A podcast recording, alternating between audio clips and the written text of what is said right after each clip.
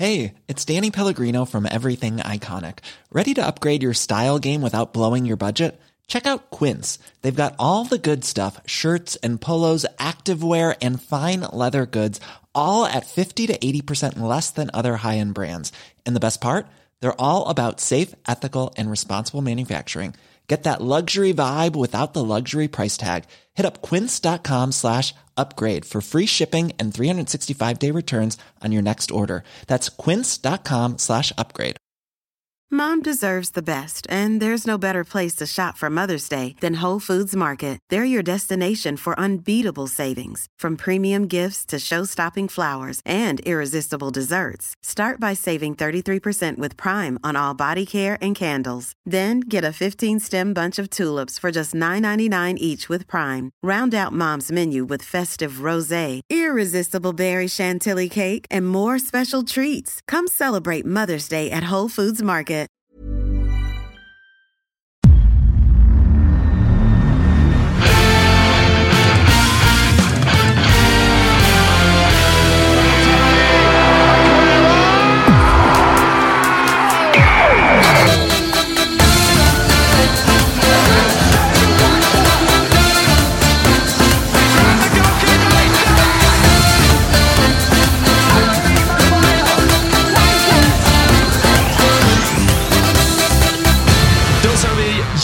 Hjärtligt välkomna tillbaka till ett nytt avsnitt av Rule Britannia. Det är fredag 29 december. Vi närmar oss slutet av 2023. Vi ska starka kliva in i 2024, men vi ska först och främst ta ner den fotboll som har spelats de senaste dagarna. Och eh, vad passar bättre Fabian än att vi under torsdagen kom på den briljanta idén att eh, sammanväva de två antagonisterna Johan Ryn och Pierre Hertin. Jag hör, jag hör din hånfulla, glädjande röst hela vägen ner från bara i Skåne upp till Norrköping, via Örebro till Pierre och till Upplands Väsby hos Ryn. Det är en, det är en riktigt vidrig ton du har, så jag, eh, jag, jag väljer att fråga, jag kan börja med Pierre, alltså, hur, hur mår du? Alltså, jag ber om ursäkt för Robin här.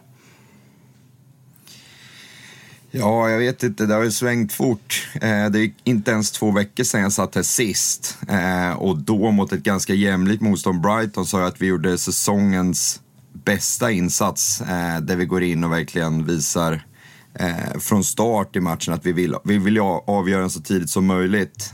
Sen har vi varit på Anfield, gjort en stark insats. Men nu sitter vi här efter säsongens sämsta insats, skulle jag säga. Och eh, jag kan väl bara tacka på att ni tog på er ändå eh, den lilla jinkströjan att leda vid jul, vilket inte alltid har varit så jävla positivt. Och så släpper ni ifrån er tabelltoppen sen lagom till att nyårsraketerna ska skjutas. Ja, vi var ju jagade hela försäsongen så nu kanske vi inte vill vara i pole position utan vi lämnar över stafettpinnen och ligger och smyger bakom.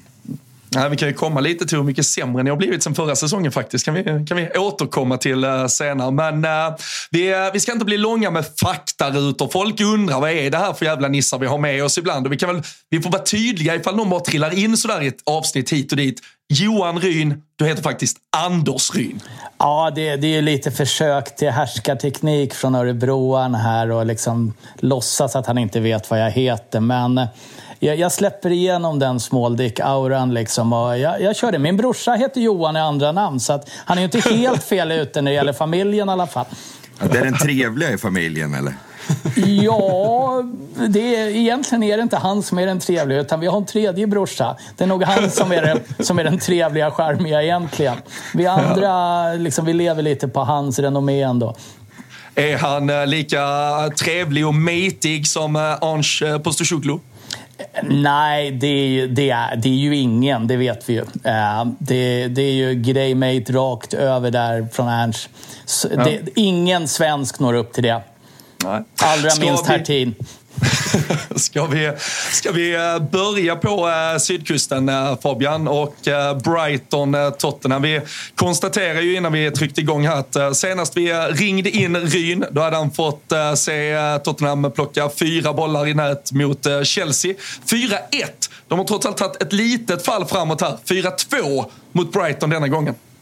Ja, nej, men det, är väl, alltså det känns som att, eh, att man blir en repeskiva när man pratar om Tottenham när de åker på de här förlusterna och ställer den här klassiska frågan som det på något sätt har blivit, hur mycket man ska ifrågasätta det här att man alltid ska spela sin ideologi, hur den ser ut. Och jag tycker att han har visat att utan Romero och utan van som mittbackar om en central linje med Sarr och Höjbjerg där framför så, så går det inte. Så vad är känslan om vi tar eh, matchen igår? Man släpper alltså till 4,5 i XG tror jag den här matchen och det, man är inte förvånad förvånad. Alltså första halvlek är bland det värre jag sett mot ett skadeskjutet och väldigt formsvagt Brighton i grund och botten.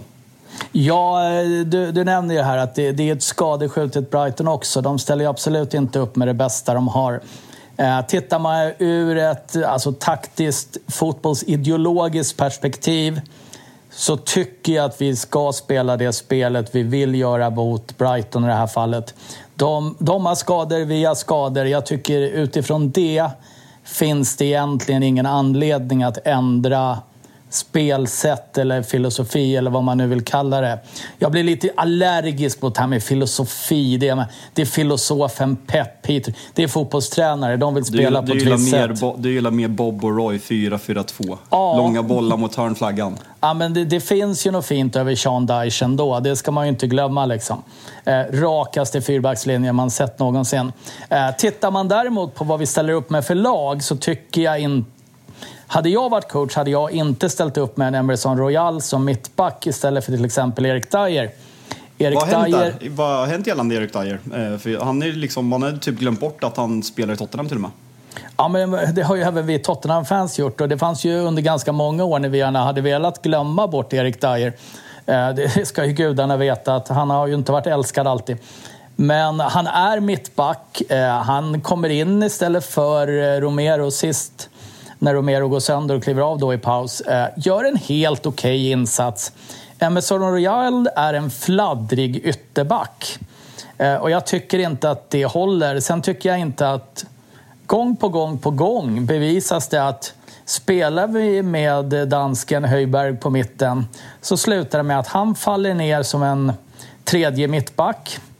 Vi blir alldeles för lätta att spela igenom eh, på mittfält och vi, vi ger bort mycket initiativ till Brighton i den här matchen på grund av att vi inte... Ska man spela med press måste man våga hålla upp mittfältet också.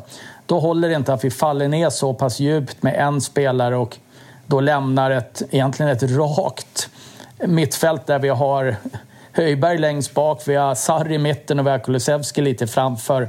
Det, det lämnar alldeles för stora ytor och jag tycker att det fungerar inte med dansken. Jag hade hellre sett Skip, som absolut inte är en fantastisk fotbollsspelare heller, det ska gudarna veta. Men eh, dansken har gång på gång bevisat att det är en av de större alibispelarna vi har i Premier League idag. Mm. Eh, så jag tycker att laguttagningen är fel, sättet att spela rätt i den här matchen. Mm.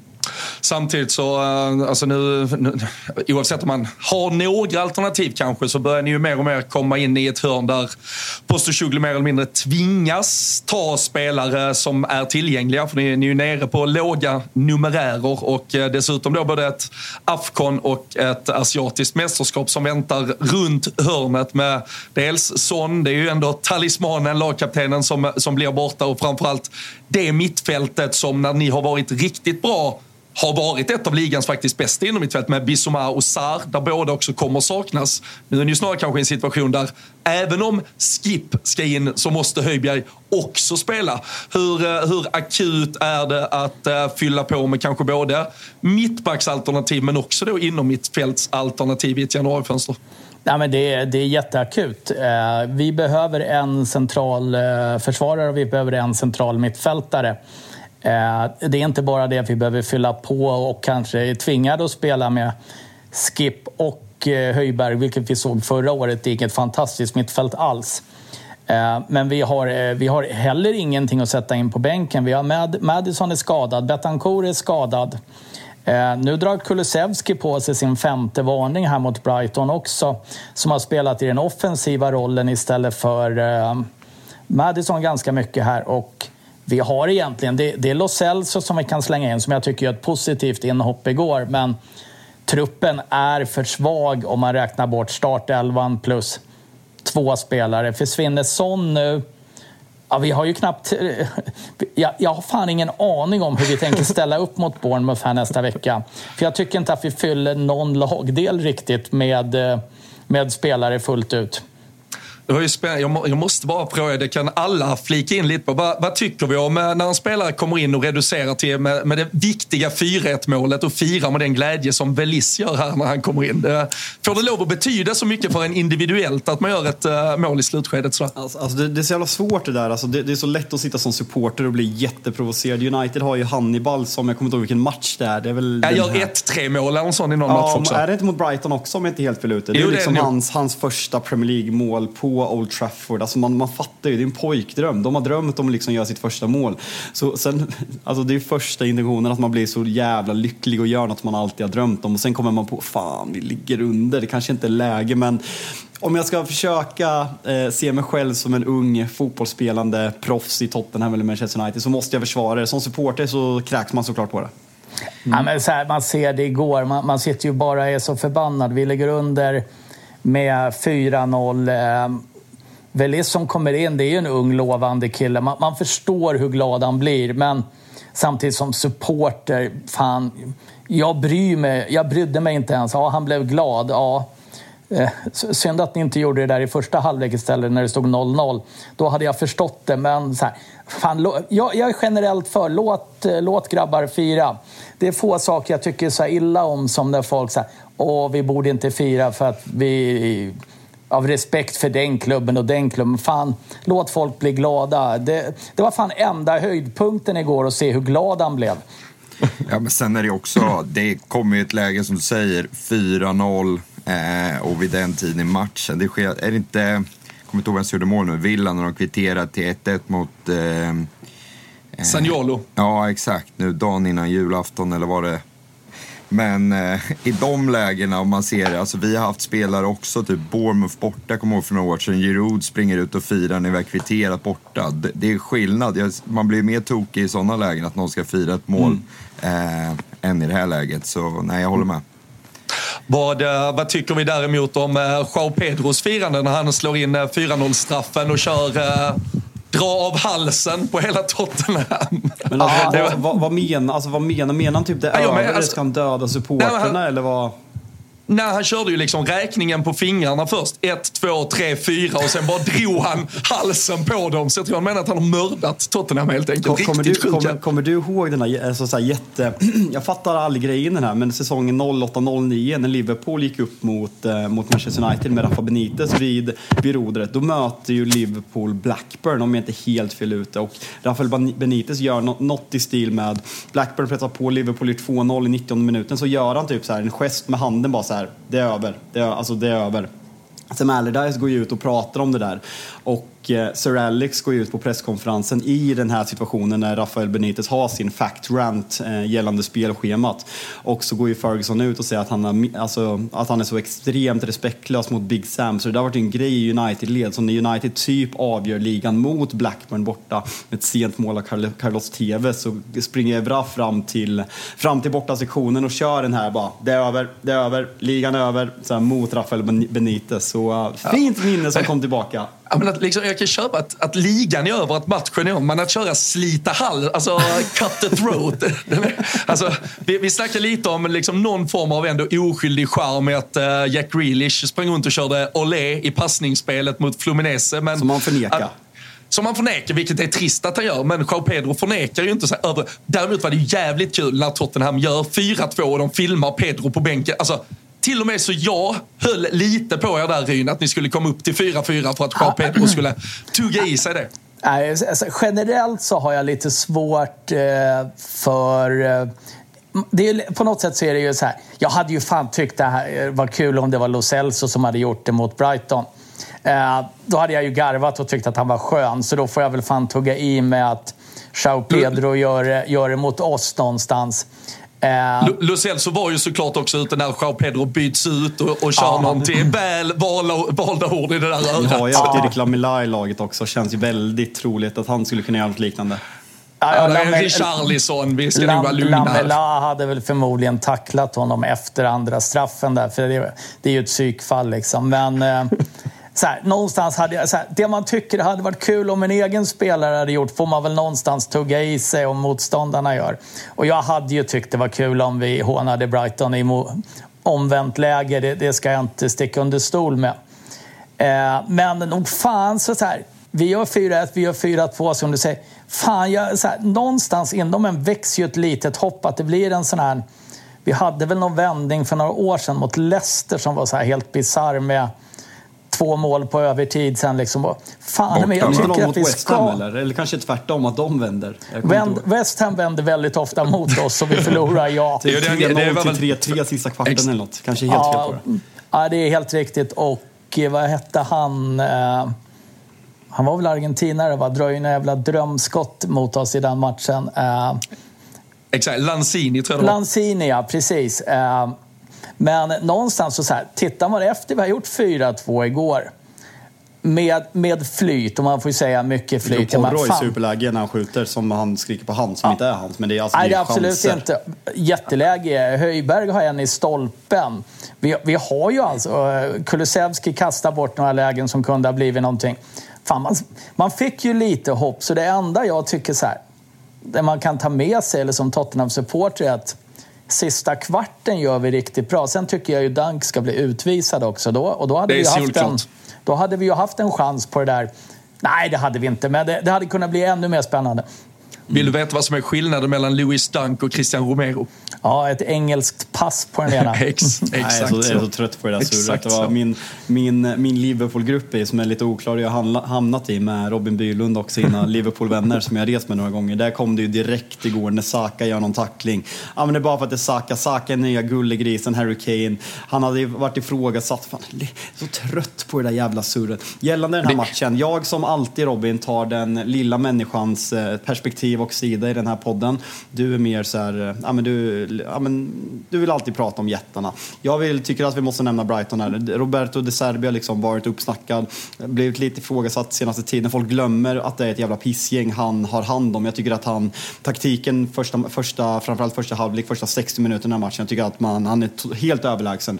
Han sätter pressen på Arns Postecoglou men liksom allt är extremt utstuderat och matchplanen funkar perfekt. Och liksom, kollar man på den här, liksom han som gjorde första målet, det är liksom en regent på FM. Han, han finns ju liksom inte. Danny Welbeck får han att se ut som prime Haaland. Alltså det, det, Brightons, lika mycket som att Tottenham ska, man ska ifrågasätta att det inte ser bättre ut när man saknar någon spelare så måste man ge Brighton cred för den här matchen. För De Serbi har mm. fått lite kritik senast. Jag tycker man är riktigt, riktigt bra i den här matchen. Ja, men jag tror, om jag, om jag, om jag inte missar något, så är det väl 19 målet från en tonåring den här säsongen också. Då är vi, alltså, vi har spelat fyra månader om en säsong. Så det kan, det inte varit, eh, eller, kan det inte varit 2023? Jag såg att det kom upp någon statistik med eh, det kan, det kan ha varit 2023. Ja, kan det vara. Men det, det är ju alltid någon ny. En, eh, en Hinchelwood, som i detta fallet. Så ja, det, är, men... det, det är otroligt man får ju absolut ge Brighton att de, och De Serbi, för han ställer ju ut en taktik där han verkligen exponerar Tottenhams svagheter här. Varken Royal eller Ben Davis är ju speciellt bra på att spela upp bollen. De stänger av dem totalt. Vi har eh, dansken som blir totalt neutraliserad på mittfältet. Det, de spelar ju precis så som man ska göra mot det här Tottenhamet för vi har inte nycklarna med de här spelarna. Så det, det är ju hatten av till eh, De Serbi och Brighton, absolut. Men jag ser... Vi, vi, Hinchelwood smäller upp den duktigt i nättaket. Estupinan kommer ju inte skjuta ett sånt där skott till på flera, på flera år förmodligen. Men det som fortfarande och som även har varit uppe lite för diskussion och vi, vi touchade lite här med att Romero skulle ha ett rött innan. Det börjar bli ett problem för Tottenham med att de är ganska odisciplinerade generellt. Det, det är en skitdålig straff som eh, Kulusevski drar på sig. Gjorde du likadant Finns... mot Everton också? Eh, hade en likadan tröjdragning som släpps mot Everton. Mm. Eh, Lo Celsos satsning bakifrån på, är det Ferguson? Jag kommer inte ihåg ja. vem det är. Jävla idiotgrej. Det är tre spelare framför. Inget av de här lägena kommer bli mål om de inte drar ner dem och drar på sig solklara straffar. Och någonstans här, Tottenham drar på sig alldeles för mycket varningar och idiotiska beslut i straffområde, runt straffområde. det är ett problem. Man vinner inte matcher om man drar på sig två straffar att det är några, alltså Christian Romero får väl någonstans, uh, han, han, är utom tävlan och han lever i sin egen lilla, lilla värld när det kommer till uh, liksom, odisciplin. Men tror du det är ett resultat av ändå en matchplan som handlar så mycket om energi och intensitet och att spelarna inte hittar balansen i det själv? Eller är det är det individuellt man vill gå in och peta på dem, att man inte känner att de eh, liksom, sköter sig eller tar det ansvaret de bör göra? Eller finns det något som Postosoglu i sättet han ändå ber spelarna att ta sig an matchen, skruvar upp dem en nivå för högt typ? Eh, om vi tar Romero först så eh, ska, vi, ska vi ha kvar Romero så ska han ju fortsätta spela precis som han gör. För det är ju det han bidrar med, var, alltså den tuffa spelaren. Då får man ha med det i beräkningen att han kommer vara avstängd då och då på grund av en idiotsak. då får man värdera det i förhållande till vad han gör de matcherna han spelar. Han är fortfarande bra nog att spela i Tottenham. Han har en roll av att vara, det lunatic i laget liksom. Men Kulusevski drar i tröjan. Eh, Lo Celso bakifrån. Vi har Bissoma som går in lite slarvigt. Eh, det, är en jag tror att det är en kombination av att Postegolo vill spela väldigt, väldigt aggressivt och pumpar in det i spelarna att vi ska vara aggressiva på att vinna bollen. I kombination med lite or, alltså, orutin är ju fel att säga, men så här, det är klumpigt, det är orutinerat, det är övertänt, det är övervilja och det, det handlar ju egentligen bara om att spelarna inte är riktigt bra nog i alla lägen. Eh, gällande det där med disciplin, vi kan väl ta det som en snygg övergång om du inte vill säga något mer om den här matchen Robin. Gällande Arsenal, som, ni hade ju extrema discipl disciplinära problem tidigt under Mikel Arteta och liksom fick rött eh, var, var, och varannan match kändes det som. Det där är ju något som verkligen har, ja, men har rättats till eh, de två senaste säsongerna. Eh, vad, se, ser du något, något i spelet Pierre som har gjort att det rättats till för Tottenham? Det är ju verkligen, ja, men det är mycket psykfall, aggressiva spelare som ligger på gränsen eh, medan ni känns mer polerade på det där sättet just nu. Och jag vet inte, det kanske gått över till tränarbänken istället hos oss. Eh, där har vi haft mindre disciplin under säsongen.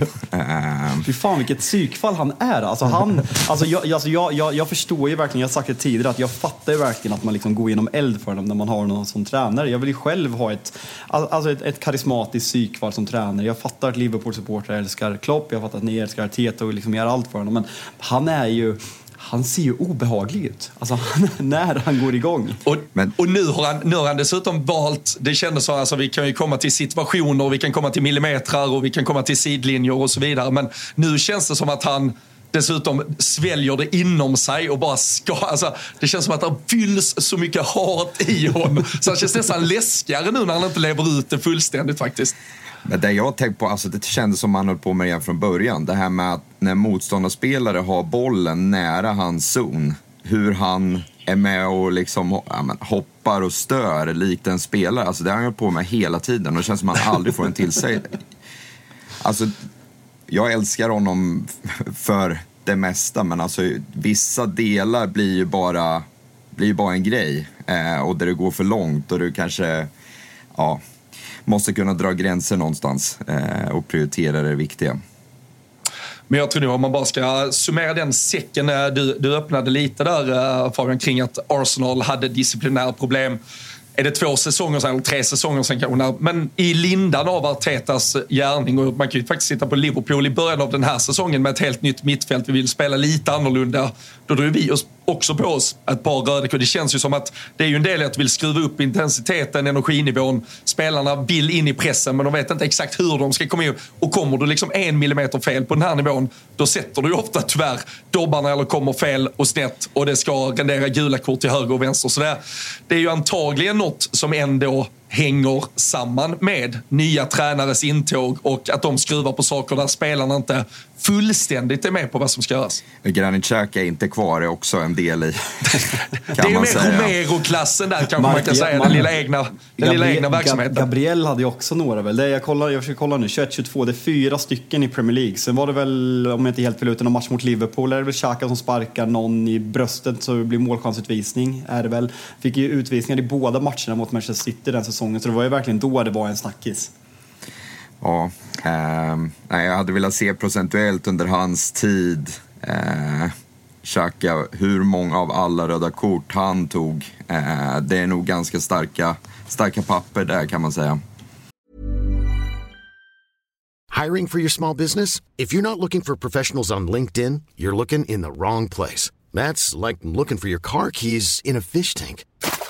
LinkedIn helps you hire professionals you can't find anywhere else, even those who aren't actively searching for a new job but might be open to the perfect role. In a given month, over 70% of LinkedIn users don't even visit other leading job sites. So start looking in the right place. With LinkedIn, you can hire professionals like a professional. Post your free job on linkedin.com slash people today. Mom deserves the best, and there's no better place to shop for Mother's Day than Whole Foods Market. They're your destination for unbeatable savings, from premium gifts to show-stopping flowers and irresistible desserts. Start by saving 33% with Prime on all body care and candles. Then get a 15-stem bunch of tulips for just $9.99 each with Prime. Round out Mom's menu with festive rosé, irresistible berry chantilly cake, and more special treats. Come celebrate Mother's Day at Whole Foods Market. Hey there, it's Michelle Norris. I'm host of a podcast called Your Mama's Kitchen. When I travel, I'm usually looking for a way to find a taste of home when I'm not at home. And one of the things I love to do when I am at home is entertain. And Airbnb allows me to do that. When I was in California recently, I rented a house that had a great kitchen. And when we were sitting around the table, we we're all thinking, we're in someone else's house. Someone could be in all of our homes as well. If you have a home, but you're not always at home, you have an Airbnb. Your home might be worth more than you think. Find out how much at airbnb.com/slash host.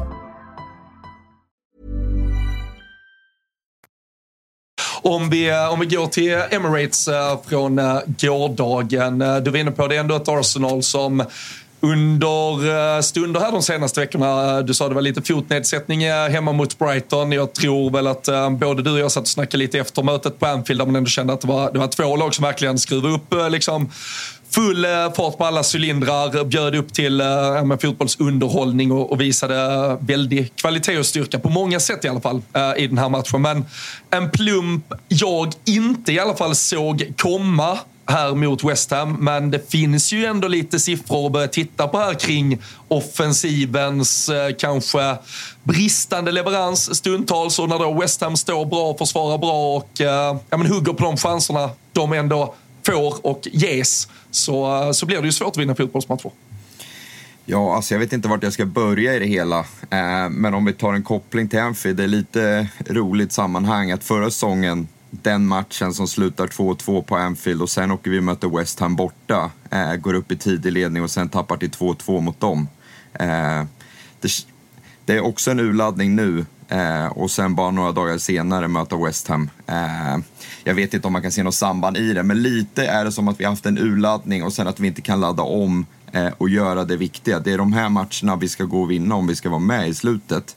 Däremot så tycker jag, precis som ni är inne på Brighton, att West Ham gör, gör det jävligt bra eh, och straffar oss eh, i många delar där jag tycker vi visar svagheter redan i Liverpool-matchen. Eh, en spelare som Sinchenko, men även Declan, eh, Ben White, på kanterna, att vi släpper till oerhört mycket. Eh, jag vet inte hur många gånger det kändes som vi blev straffade på Anfield när bollen slogs över Sinchenko. Det är ju första eh, Salas mål där, men men hur vi inte kan eh, stänga till där när vi är så starka centralt eh, med både Salib och Gabriel. Eh, det känns som vi blir jävligt genomskådade.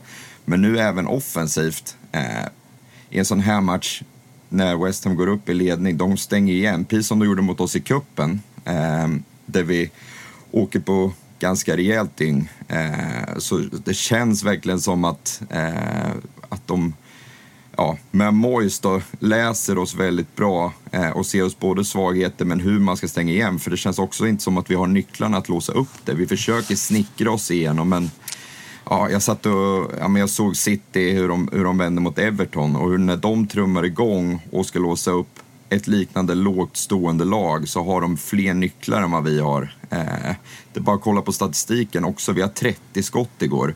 Åtta går på mål. Eh, och hur många av de där åtta är egentligen sådana man tänker det här var en bra chans. Eh, vi är otroligt ineffektiva när vi ändå under stora delar man känner vi är klart bättre. Det känns som igår, eh, Frida kommenterade och någon mer, men att de, de pratar att ja, Arsenal är klart bättre. Jo, men vad skapar vi? Eh, det spelar ingen roll eh, i slutändan när vi inte har, har det som krävs för att kunna luckra upp ett West Ham. Eh, bara tänker man om vi hade mött ett lag med ännu högre kvalitet, hur de hade låst in oss. Det, det kunde ha blivit blodigt. Jag tycker att, eh, alltså jag tänkte inte på det igår, men när du liksom bollar upp det, jag kollade också statistiken och så att det är 30 skott och liksom en 74% boll för, för Arsenals fördel. Påminner inte matchen lite grann om Liverpools match mot Manchester United på, Väldigt på, mycket. på Anfield? Bara att eh, West Ham, alltså United har ju kanske de två bästa chanserna, bara att West Ham gör mål och sen har man Ward Prowse eh, frisparksfot ska även nämnas, alltså, och det är helt sjukt, jag la ute på, jag såg att, eh, om det var Samuel Lucker som skrev igår att, eh, ja men alltså MoIS, jag, du och jag Robin pratade om det, att det var svårt att hitta statistiken, men det är alltså Moyes första seger på bortaplan på 73 matcher mot en original Fantastic Fouran med Arsenal, Chelsea, United och Liverpool. Det är fascinerande. Jag hörde också att om det var Bjur eller Saga som sa igår att hade Arsenal vunnit så hade Moyes blivit den tränare som tillsammans med Harry Redknapp har flest förluster i Premier Leagues historia. Så det var, det var mycket igår med Moyes. Sen, sen, sen får vi ju ge Moyes att han också är väl den tränaren som har coachat i tredje flest matcher. Det är väl bara Wenger ja. och uh, Ferguson. Uh, och uh, har man då gjort det i lag som inte tenderar att vinna varenda match så, så samlar man ju ett par förluster. Men, Men det, en, det är en titel han kommer ta då under året. Mois kommer ta den, ja. absolut. absolut. Det, det, det, går de obesegrade härifrån och in i mål, då, då, då vore det sjukt. Jag tror, eh, jag tror han kommer ta den. Men eh, du, en eh, nyckel som saknades, Pierre, var ju Havertz. Kanske hade behövts. ja, det, det känns som de åt, eh, sa det flera gånger, att ja, men Arsenal saknar flera spelare och då har liksom, ni har suttit och varit inne på hur många spelare Tottenham saknar, hur många Brighton saknar. Ni saknar fan aldrig en spelare. Det är samma jävla startelva varje jävla gång. Så ni, ni ska bara hålla käften faktiskt kring det. Ja, vi håller käften, men Havertz är ju nyckeln till vårt anfallsspel nu sista tiden. Så Eh, låt han komma tillbaka. Men, men jag vill vara inne lite mer där på ineffektiviteten också. Eh, vi kommer in i ett januarifönster där det är lite förväntningar och har varit ett tag nu på att vi ska göra någon värvning som, eh, ja men en markerad värvning. Vem ska vara vår anfallare? Eh, för jag vet inte, man har haft stora förväntningar på Jesus och när han var skadad man tänkte det är honom vi saknar eh, för att målen ska göras. Eh, igår var verkligen en match där man tycker att han fick de lägen han behövde för att göra mål, men eh, ja, får se om en Ivan Tony kliver in här i januari. Jag såg Eddie Nketiah, den enda Arsenal-spelaren att göra minst fem alltså non-penalty goals den här säsongen. Bukayo Saka gjort ett mål sedan den 1 oktober. Jag skrev det här till Fabian. igår. Fabian blev jätteförbannad på mig för att jag försökte jämföra Saka och Salah. Men Salah har alltså gjort nio mål, ligamål under samma period och han brukar ändå kritiseras lite för att han inte är så äh, liksom, effektiv framåt. Börjar det bli ett problem att Bukayo Saka faktiskt äh, har lite för lite slutprodukt? Alltså det känns ju som många har mindre slutprodukt i år än vad vi har förra året. Vi har ju pratat lite om det här att defensiven har satts. Eh, men jag har så svårt att tro att det ska ha någon påverkan på att vi inte har mer, produktiv, mer produktivitet framåt. Eh, men vad det är som låser? Jag tycker mer att hela vårt spelsätt är så likt hur vi spelade förra året eh, och att vi inte har tillfört något mer. Så alla lag alla lag har mött det här en, två, snart tre gånger. Eh, och vi spelar på precis samma sätt och allt ska gå ännu mer kanske genom Saka än vad det gjorde förra året. Eh, för jag tycker flera andra spelare ur form, Martinelli bland annat, tyckte han var väldigt svag på Anfield. Eh, men ja, har svårt att se liksom vad, vad det är som påverkar att det är så många som saknar de poängen eh, som vi gör. Men jag vet inte, det är lite liten dipp på många. Eh, jag vet man kan gå in på så många spelare igår som är svaga, men ja, vi hade ju en huvudperson i Declan Rice som Sen vet inte, det, du kan ju, jag satt här och sa att vi hade vår eh, bästa match för säsongen för två veckor sedan. Eh, gå tillbaka en månad så att jag sa att han är världens bästa spelare. Nu ska inte jag svänga lika fort som vissa dårar gör på Twitter. Jag kommer inte eh, vilja att huvuden rullar, men eh, jag tycker att han igår är också en av hans sämre insatser. Jag förstår, det, det är klart det är speciellt för honom att möta West Ham. Eh, men det är fler matcher där han, där han känns som att han verkligen tar ett steg tillbaka. Han kanske har den orden ifrån Arteta att inte gå framåt, inte, inte ta för sig mer. Men jag, det har jag sagt förut, jag såg det i West Ham vi såg det i, i Xhaka förra säsongen. Vi behöver någon som vågar gå framåt. Att inte bara vara en sittande, för då blir det lite som eh, Johan är inne på här med Höjbjerg. Att han blir liksom en till mittback. Eh, och igår blir nästan Rice det när vi ska gå för reducering och även det innan kvittering. Utan han, alltså vi står och rullar på egen... Det tar för lång tid för oss att komma upp på offensiv plan för vi har för många spelare kvar nästan i egen box. Ja, jag alltså, kan gå in på det här länge men eh, kör ni nu.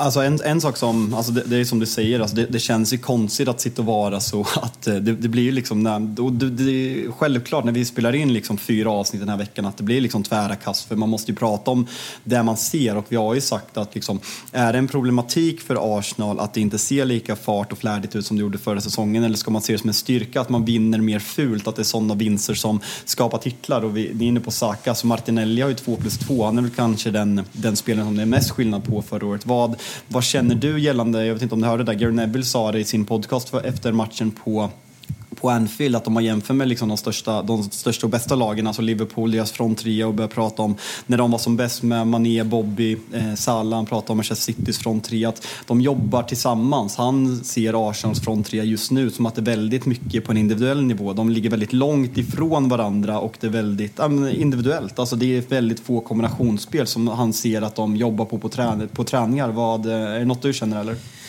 Jo, men framförallt, speciellt den trean där framme. Eh, det känns som att de jobbar kanske bra med mittfält eh, för att hämta boll.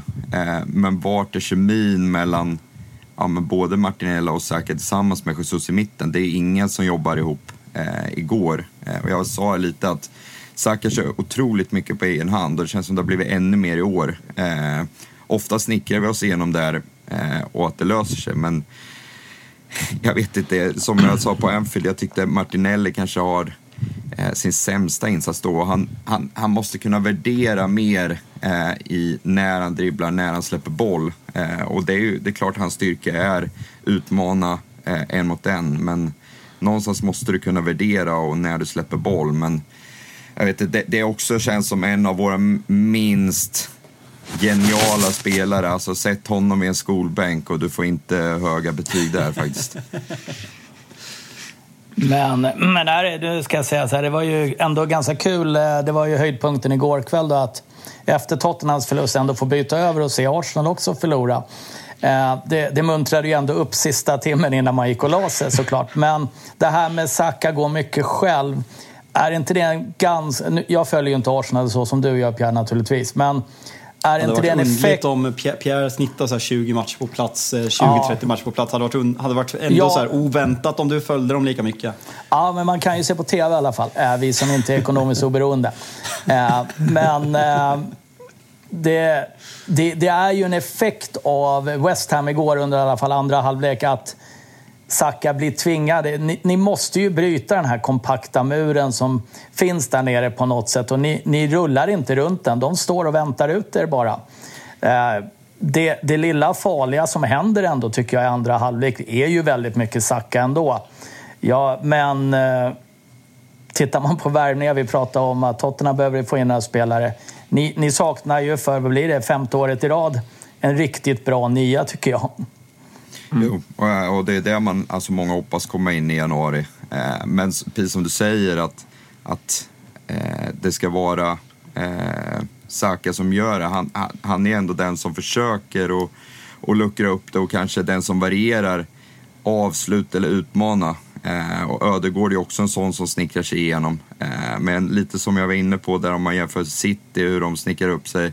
Eh, Fodens mål från distans. Vi har typ inget avslut från distans förutom någon gång när Saka går in och, och försöker slå emot bortre. Men med alla lag, kolla hur många de sätter ner på den eh, kanten och överbelastar i försvarsspel. Ytterback, mittback flyttar ut, ytterspringare kommer ner. Alltså du har nästan en mittfält som kommer ut också, fyra man som överbelastar för de vet att det är det enda vi försöker, komma runt eh, på den högersidan och sen in mot boxen. Det, det är klart det blir lättläst till slut.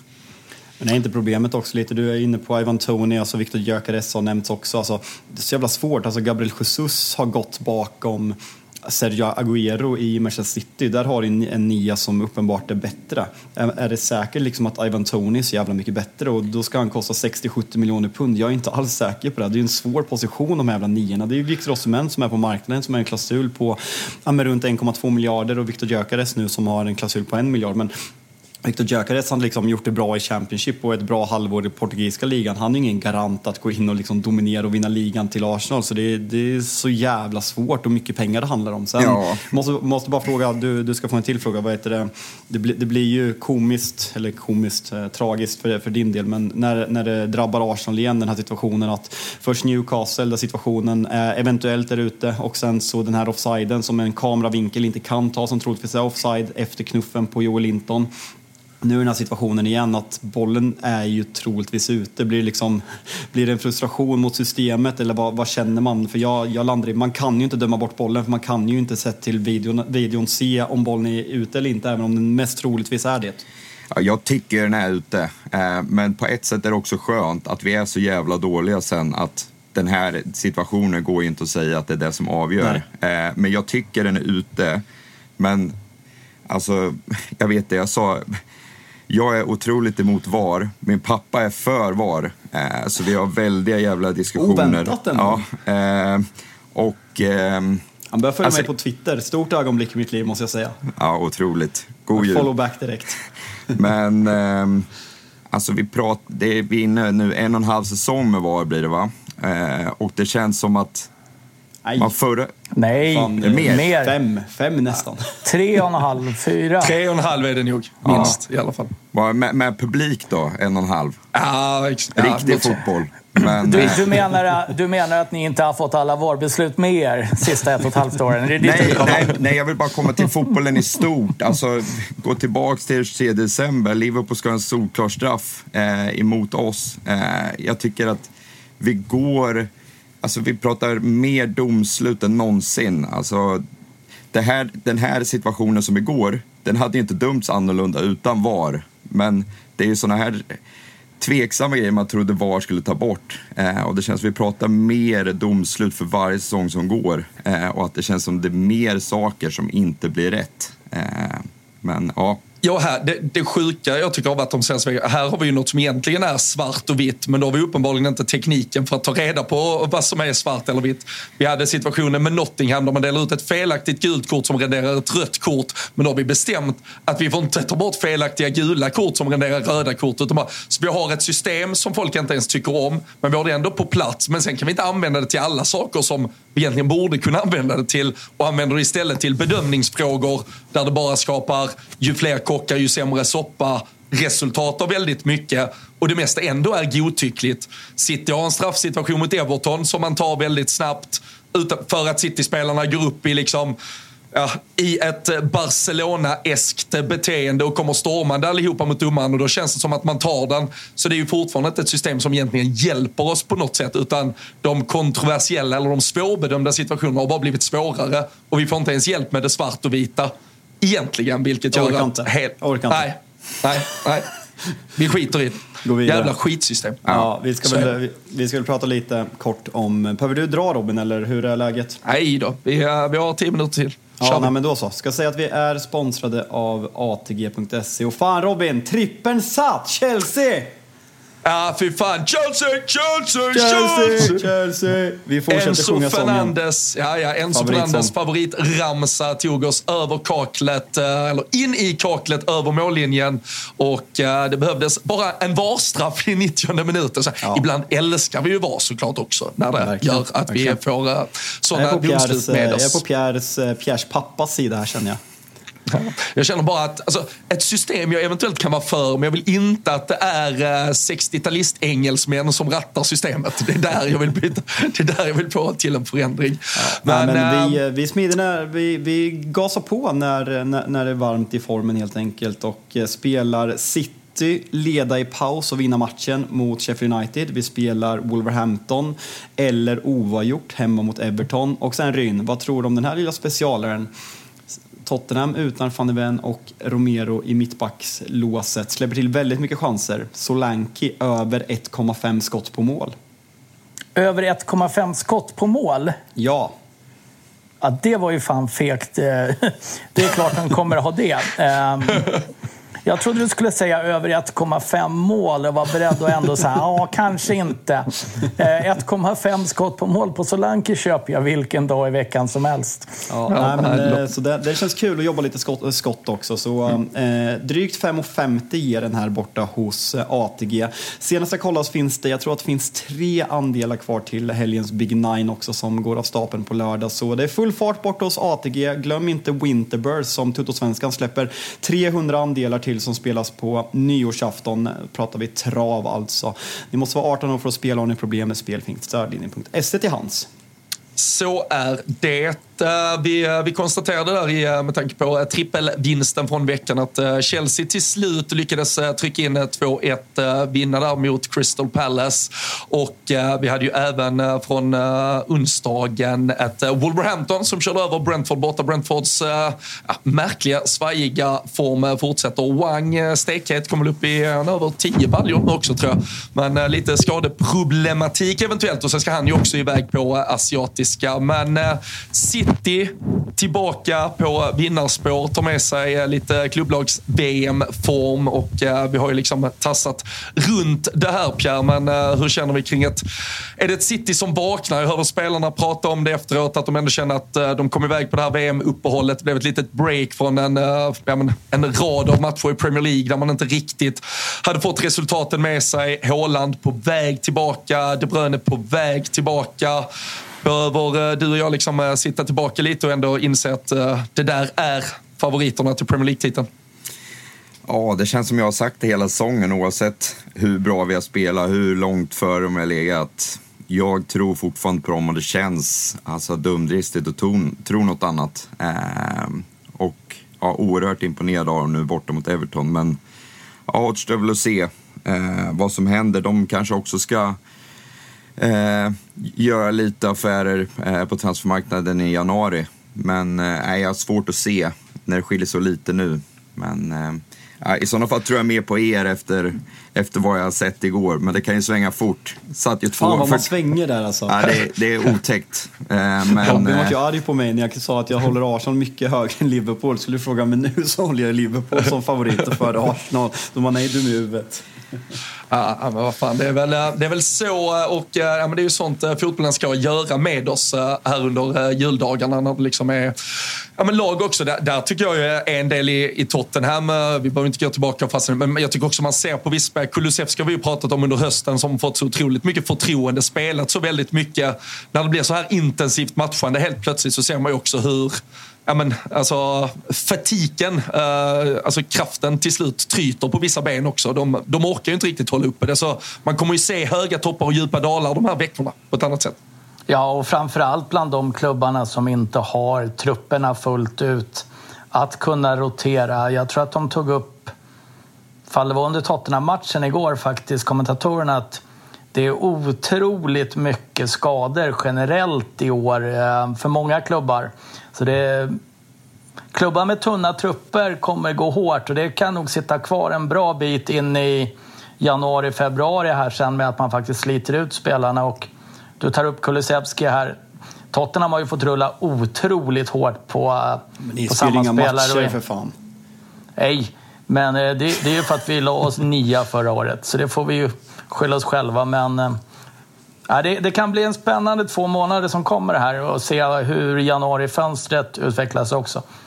Jag håller med. Ehm, och det är just bredden. Vi, vi är dåliga där. Det är andra lag som är starkare. Även om vi inte har skador. Hade vi haft det hade vi varit lika straffade. Men, men det är en intressant period som du säger. Alltså, cupspelet, FA-cupen drar igång här och sen ska vi ha det korta vinteruppehållet. Och jag satt igår att och tänkt, ja, undrar, undrar, undrar vart vi står liksom när Arsenal-Liverpool möts igen i ligan där första helgen i februari. Och det känns som att det är långt bort. Det, vi har bara tre ligamatcher innan det. Eh, mm. så, så, det känns som det kommer vara ganska status quo på, på tabellen kanske, men eh, ja. Sen, sen efter det så är det ju vissa större lag då som ska in i Europa och spela eh, medan vissa andra får, får vila och slicka såren. Liverpool vilar fram till mitten av mars i alla fall, så det känns, eh, känns bra. Sen är det lite ligacupspel och, eh, och annat som ska in eh, visserligen. Men jag såg Manchester City, jag tror även om de skulle gå rent, alltså de har ju typ i sig att gå rent. Lite, lite större sannolikhet att de skulle göra det än West Ham i alla fall. Men de kan ju bara landa på typ 97 poäng. Vi kommer ju nog få en slutsegrare på höga 80 eller väldigt, väldigt låga 90. Jag skulle säga höga 80, vilket jag ändå tycker öppnar för att alla tre lagen, om vi pratar Liverpool, Arsenal och City, kommer att vara med på ett annat sätt. Det kommer nog vara tajtare framåt slutet än vad det har varit tidigare. Jag eh, sitter och sprittar iväg nu, sitter inne på Transfermark och skulle kolla lite statistik på formlag och Brentford är alltså formsvagast i Premier League senaste sex med bara en vinst. Hittade jag in på att man kunde kolla hur tabellen hade sett ut om man bara räknar inhemska mål. Chelsea trea, så något att ta med sig för Chelsea-supporterna in i nya året. Eh. Unga, unga engelsmän som levererar i alla fall. Ja. Eh, Madueke och Cole Palmer och gänget. United vilken, på 17 plats med en vinst. Vilken otrolig eh, Liverpool-statistik det där var med att sitta och vrida och vända på att om Liverpool, Salah inte hade... Liverpool svaga, ska sägas. Ja, det, det här är ju en typisk Bylund-tweet om Liverpool egentligen. fast, fast tvär inverterad tweet i så fall. Den är ju på fel håll faktiskt. Är vi inne på pass, ja, passregler igen här nu? Ska, ska, ska, ni, ska ni ha lite mer statistik, så här, ni som ja. gillar kalenderårstabeller? De eh, skiter vi gärna i. Tack. Nej, jag eh, ska ge det här. För Arsenal och Liverpool har spelat 41 matcher, har 81 poäng och och 37 i plusmål. Så exakt lika. Och Arsenal hinner spela en match till, så Liverpool halkar efter. Ska vi kanske avsluta på en annans favoritstatistik som jag hittade med tanke på att vi har pratat Arsenal och eh, Declan Rice. Jajamän. Och eh, framförallt att eh, vi inte har pratat riktigt West Ham som jag tycker vi ska hylla. Det är faktiskt helt sinnessjukt med tanke på att jag såg dem på Anfield för någon vecka sedan med just det här mittbacksparet och Bonna och Mavropanos. Kan ha varit det sämsta jag någonsin har skådat. Ariola stod och kastade in bollar i mål också. Nu har han hållit nollan mot både United och mot Arsenal. Men eh, Declan Rice då, med flytten från West Ham till Arsenal så har ni under hösten blivit sju poäng sämre än vid samma tidpunkt förra året. Och West Ham har blivit 17, 18 poäng bättre än förra året. Är Declan Rice problemet helt enkelt? Ja, jag vet Jag var inne på honom förut och snackade lite där att han, han är något feg i vissa matcher. Men ja, den där statistiken är ju, är ju ruggig faktiskt. Men eh, jag väljer att inte vara lika dramatisk som många, men, men visst så tycker jag att han, han har mer i sig och man ser det bara i vissa matcher. Eh, sen om det är Teta som håller tillbaka honom i rollen eller inte, det vet jag inte. Men, men just det där med West Ham, alltså eh, bara hylla David Moyes, hur, hur han som sagt straffade oss. jag, jag tyckte jag kände som att fan, det känns som att han straffade oss många gånger. Visst, senaste året är han ändå obesegrad eh, mot oss. Eh, och jag sökte då bara, men skulle få fram den statistiken. Det första som kommer upp, David Moyes eh, mot Arsenal, kom upp en artikel från 2021 där liksom han blev, sa att det, det sämsta facit han hade mot Big Four var just Arsenal. Men sedan den artikeln skrevs så har han nog samlat in eh, och säkert gått om någon annan klubb. Så nej, bra statistik sista tiden. Ska vi landa helt, helt enkelt i att Declan Rice är Pierres nya hatobjekt nu när Kai Havertz har visat sig vara bra? Nej, det går inte så långt att säga att jag hotar er med att inte hylla Havertz. Det, det, det kommer så mycket konstiga DM från alla som vill veta adress och vad man gör. Så nej, det får, den där delen får Ryn stå för. Ja, det låter bra. Ska jag ta hatet alltså? Det är inga problem, Pierre. Där är du stark. känns som att du, du, du, har, du har det i dig att ta det tugget och uh, ganska sylvast svara om det skulle behövas. Ja, jag, jag, jag är inte så orolig. Det, problemet är att är det en Arsenal-supporter så måste man ju skriva med väldigt, väldigt lätt svenska så att de fattar. det låter bra det. Uh, ni kan fortfarande fira det nya året som uh, ligaledare, Pierre. Det får du ändå ta med dig. Slår ni Fulham borta på eh, uh, nyårsafton så skjuter du uh, champagne och skit som uh, överst på tronen.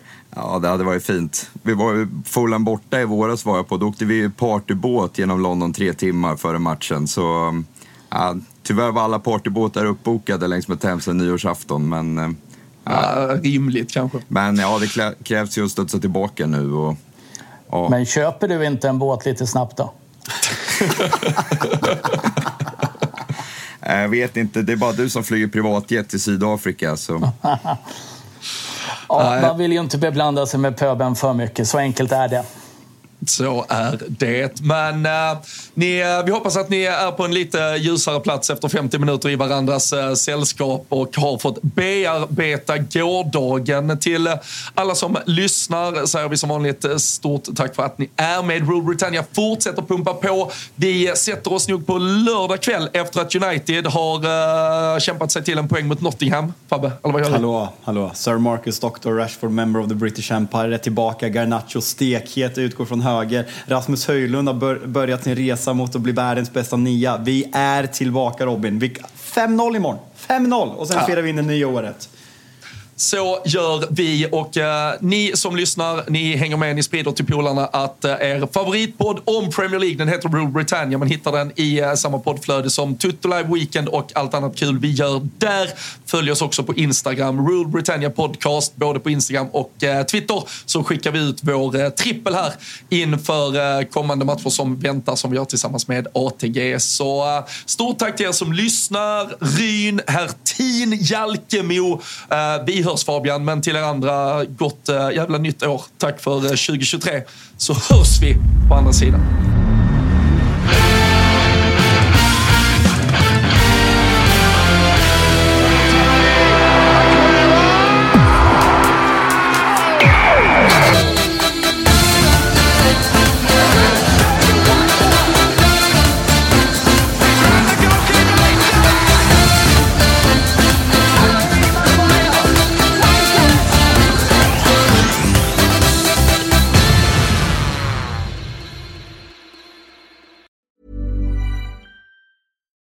Deserves the best, and there's no better place to shop for Mother's Day than Whole Foods Market. They're your destination for unbeatable savings, from premium gifts to show-stopping flowers and irresistible desserts. Start by saving 33% with Prime on all body care and candles. Then get a 15-stem bunch of tulips for just $9.99 each with Prime. Round out Mom's menu with festive rosé, irresistible berry chantilly cake, and more special treats. Come celebrate Mother's Day at Whole Foods Market. When you make decisions for your company, you look for the no-brainers. And if you have a lot of mailing to do, stamps.com is the ultimate no-brainer. It streamlines your processes to make your business more efficient, which makes you less busy. Mail checks, invoices, legal documents, and everything you need to keep your business running with stamps.com.